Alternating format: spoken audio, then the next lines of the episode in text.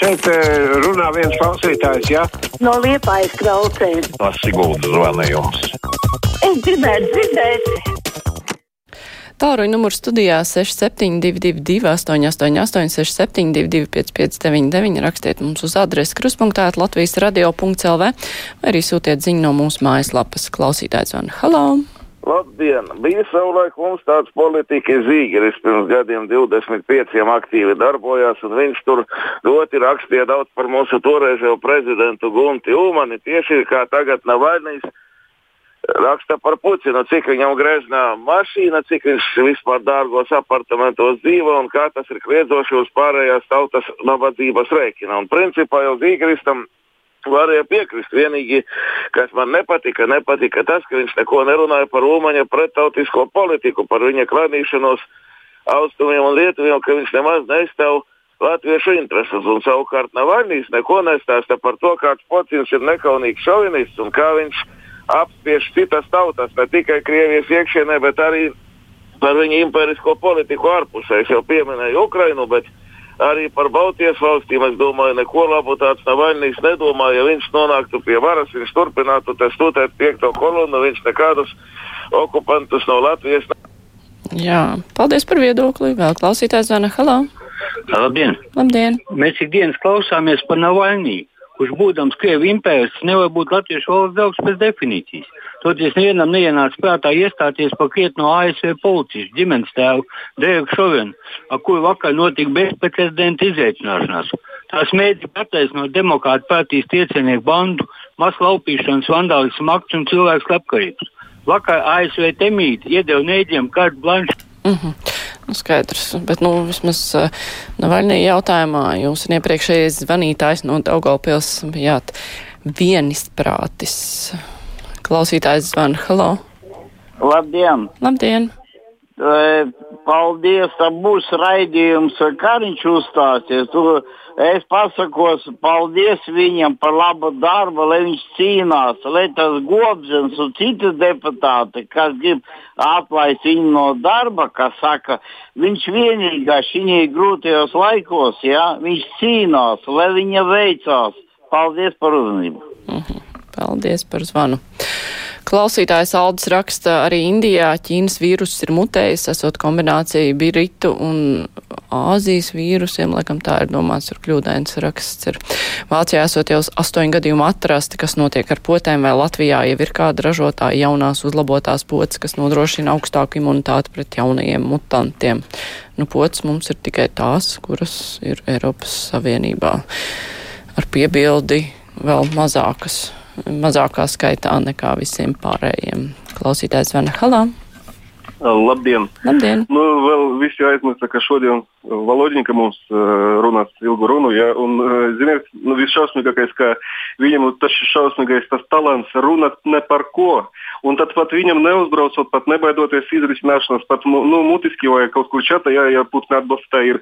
Viņš vienmēr var tā runāt visu savu runu, ka visi tā tiek hipnotizēti, ja, līdz kārtiem, nezinu, netikumam vai kaut kāda nelaime, ka, ka var notikt ar kārtu tur Навального великого та він ж продарить таду многоходовочку, яка вісі там то вісу айзмікс, вінім та сирспекс. Йозина э, э, тут побольше.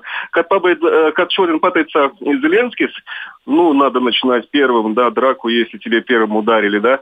Ну, та исклоса с агрессией неадекваты. Бет Путин салак ее пар салай сарсал адекваты, он рунашин, он рунашин на парко. Ну, та я я стал лишь. Mm -hmm, paldies par viedokli. Tā klausītājs uh, raksta, ka kādēļ Kariņš vēlas atcelt pabalstus uzņēmējiem, vai te nav tā, ka Kariņa komandas vaina, ka mums tagad nav vakcīnu un normāls dzīves, kad 70% iedzīvotāji būs vakcinēti un ierobežojumi atcelti, tad var atcelt pabalstus, tas būtu loģiski. Pajautājiet Kariņam par uzņēmējiem. Jā, šis pabalstu jautājums būs viens no tiem, ko noteikti skarsim nākamajā stundā, kad būs kad būs mūsu saruna ar premjeru Krišānu Kariņu. Klausītājs zvana, halā! Vakardienas raidījumā es tā arī nesapratu, kas, kas tad īsti notiks pēc tās novada reformas. Tagad man ir uh, novads, man ir 7 km no mājas, pagasts kāds 2 km, un tālāk būs lielais novads, rajons Valmiers, kas būs kādi 50 km, bet kur tad īsti varēs tur griezties, kur iet un, un, un ko prasīt, un to jau neviens nekā nezinu, arī pagastā nekā nemācīja pateikt. Taču nav nekādas skaidrības. Tad, lai arī te, te izskaidrojumi pasaka, nu, kas tad būs pēc tām uh, vēlēšanām, kur, kur, kur varēs iet un ko darīt. Jā, nu, tas ir nebija īsti mūsu vakardienas temats. Vakar mēs runājam par to, nu, kā iedzīvotāji var ietekmēt pašvaldības lēmumu pieņemšanu. Bet uh, tas ir svarīgs jautājums, lai iedzīvotāji saprot pēc vēlēšanām jaunajās pašvaldībās, kur vērsties. Ļoti praktisks jautājums un, domāju, aktuāls nevienam vien. Tā Jana raksta, kas ir tad, ja saslimst ar diviem dažādiem covid vīrusu paveidiem vienlaikus, lai tālas sekas. Hm, tas ir jautājums kādam infektologam, vai vispār ir iespējams tā saslimt. Varbūt ir, nezinu. Klausītājs zvan, halā! Labdien! Labdien! Iespējams, ka nākamais solis pēc brīvā dzīvesveida būs daudzsievības ieviešana. Es spriežu, ka esot jālegalizē, kāpēc viss, kas pastāv.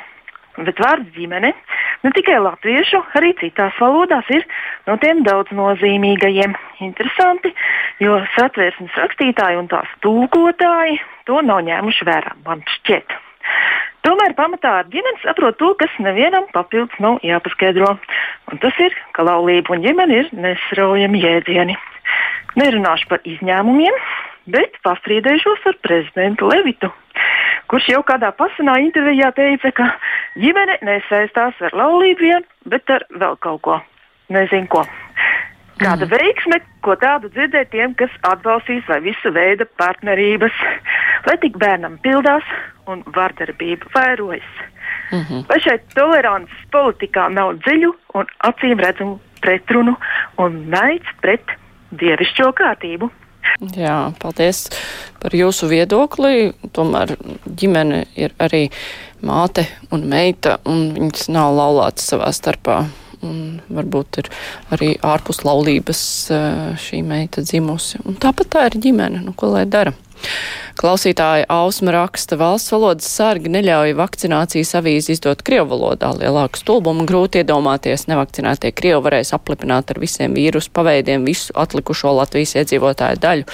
Tā ir visīstākā kaitniecība pret latviešiem. Tas sen izskatās pēc Krievijas pasūtījuma. Tā Krievu daļa, kas neskatās latviešu raidījumus un nelas latviski, ir bumba ar laika degli. Viņi būs slimības izplatītāji to negribot. Viņiem vienkārši nav izvēles, nu jau vairs latviski vecie Krievi neiemācīsies.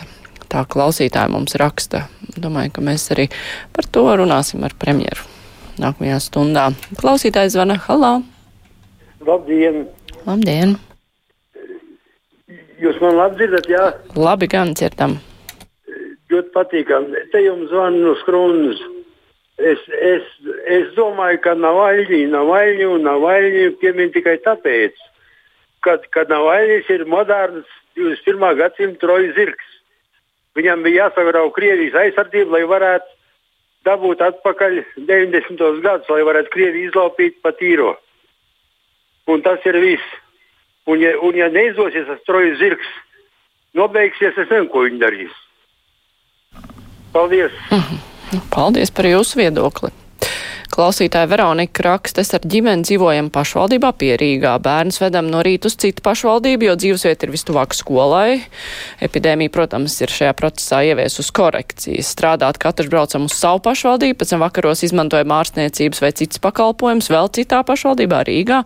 Mēs kā ģimene izmantojam piecas pašvaldības vienas dienas laikā. Pirms neatkarības taču bija rajoni. Rīgas rajons bija Rīga, Jūrmāls, Sigulda, Salaspils. Es saprotu, ka neesmu viena, kas domā, ka reģionālo reformu vajadzēja sākt un beigt ar nosaukumu rajons nomaiņu uz novads, un tā reforma ir liela muļļāšanās daudzu gadu garumā. Tas ir klausītājs viedoklis par reģionālo reformu. Klausītājs zvana. Halo! Labdien! Labdien! man, man, es gribētu tādu lietu izteikt. Nu, tagad iet runa par tiem veikaliem, kad atvērs vaļā. Un, bet uh, visbiežākais, vislielākais to vīrusa pūznis ir sabiedriskais transports. To, ka tur stāv kā siļķis mucā, to tur neviens neieroja. Ja divi metri, tad, ja būtu pēc veikala principa, tad iznāk tā, ka tramvajā varētu būt nu, divi, trīs cilvēki? Tā kā to nevar ievērot. Iznāk tur visur veikalos liek 25 metrus, a tramvajā drīkst stāvēt kā siļķis mucā. Tas taču nav pareizi. Jācīnās ar sabiedrisko tramvaju, jo tas ir uh, vislielākais vīrusa pūznis iespējams. Es piesniedzu Zviedrijas saviem kolēģiem. Tiem tāpatās, tad viņi saka, mūsu veikali viss vaļā, un sabiedriskā transportā ir problēma. Jā, to saprotu. Mums negrib saprast to. Mm -hmm. Ka gan jau kāds saprot, ir jau ierobežojums, cik var izmantot sabiedrisko transportu, bet nevienmēr tas tiek ievērots. Es arī braucot nesen tādu garāku gabalu pamanīju, ka nu, neviens arī neskatās, vai maskas nesā, vai maskas nesā pareizi, kontrolieri, kas iekāp nevienmēr aizrāda, un trakākais, ka tie masku nenēsātāji pareizi vēl izvietojas nevis vienā jaukā čupiņā aizmugurē, cits pie cita, bet kaut kā izplūst pa tiem, tiem masku nēsātājiem starp viņiem. Hm. Klausītājs zvana. Halo! Pirms nedēļas parādījās informācija, ka mēs esam atslēgušies no Krievijas energoapgādes ar tādu lielu lepnumu, ka tagad paši galā. Tagad es skatos, ka cilvēkiem ir aizgājis garām tas, ka nu pat ir jauna informācija, ka līdz ar to elektrības cenu pieaugums par 45%. Vai tā ir dāvana latviešiem un Latvijas iedzīvotājiem? Jā, bet Jānis savukārt vaicā, ko tu tur Krievijā vēl var izlaupīt? Viss jau sen offšoros ir noglabāts no Putina mafijas puses. Savukārt Daiga vaicā, cik jums maksā mārīt par manipulēšanu ar ģimenes jēdzienu jūs zvanītājai neatbildējāt pēc būtības. Kā nu ne? Man šķiet, ka bija pat ļoti pēc būtības. Svanītāja teica, ka laulība un ģimene ir savie, ne, nesaraujami jēdzieni. Savukārt Es norādīju, ka ir gan saraujami, ka tie var būt arī nesaistīti. Tā savukārt Jānis rak, raksta, kas notiek, vai atkal ir pilnmēnesis, vai vienkārši pirmie zvanītāji un pēdējā jaunkundze, tas gan vairs nav pēdējā, bet cītīgi atstrādā Kremļa stipendiju. Tāds jautājums. Nu, vēl zvans viens. Halo, ui, zvans vairs nav. No, klausulu nokrita. Tā. Savukārt uh, Aivars raksta sabiedriskajā transportā iesaka roku dezinfekcijas līdzekļu punktus.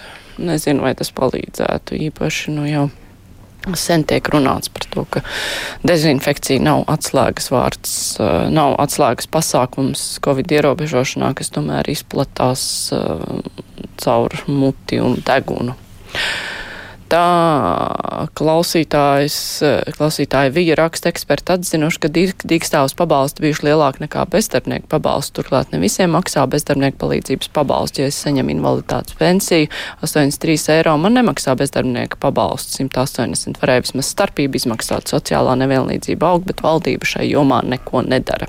Ar to brīvais mikrofons arī izskan. Tagad būs ziņas, bet pēc tā mums būs iespēja iztaujāt premjeru Krišjānu Kariņu. Tagad ziņas.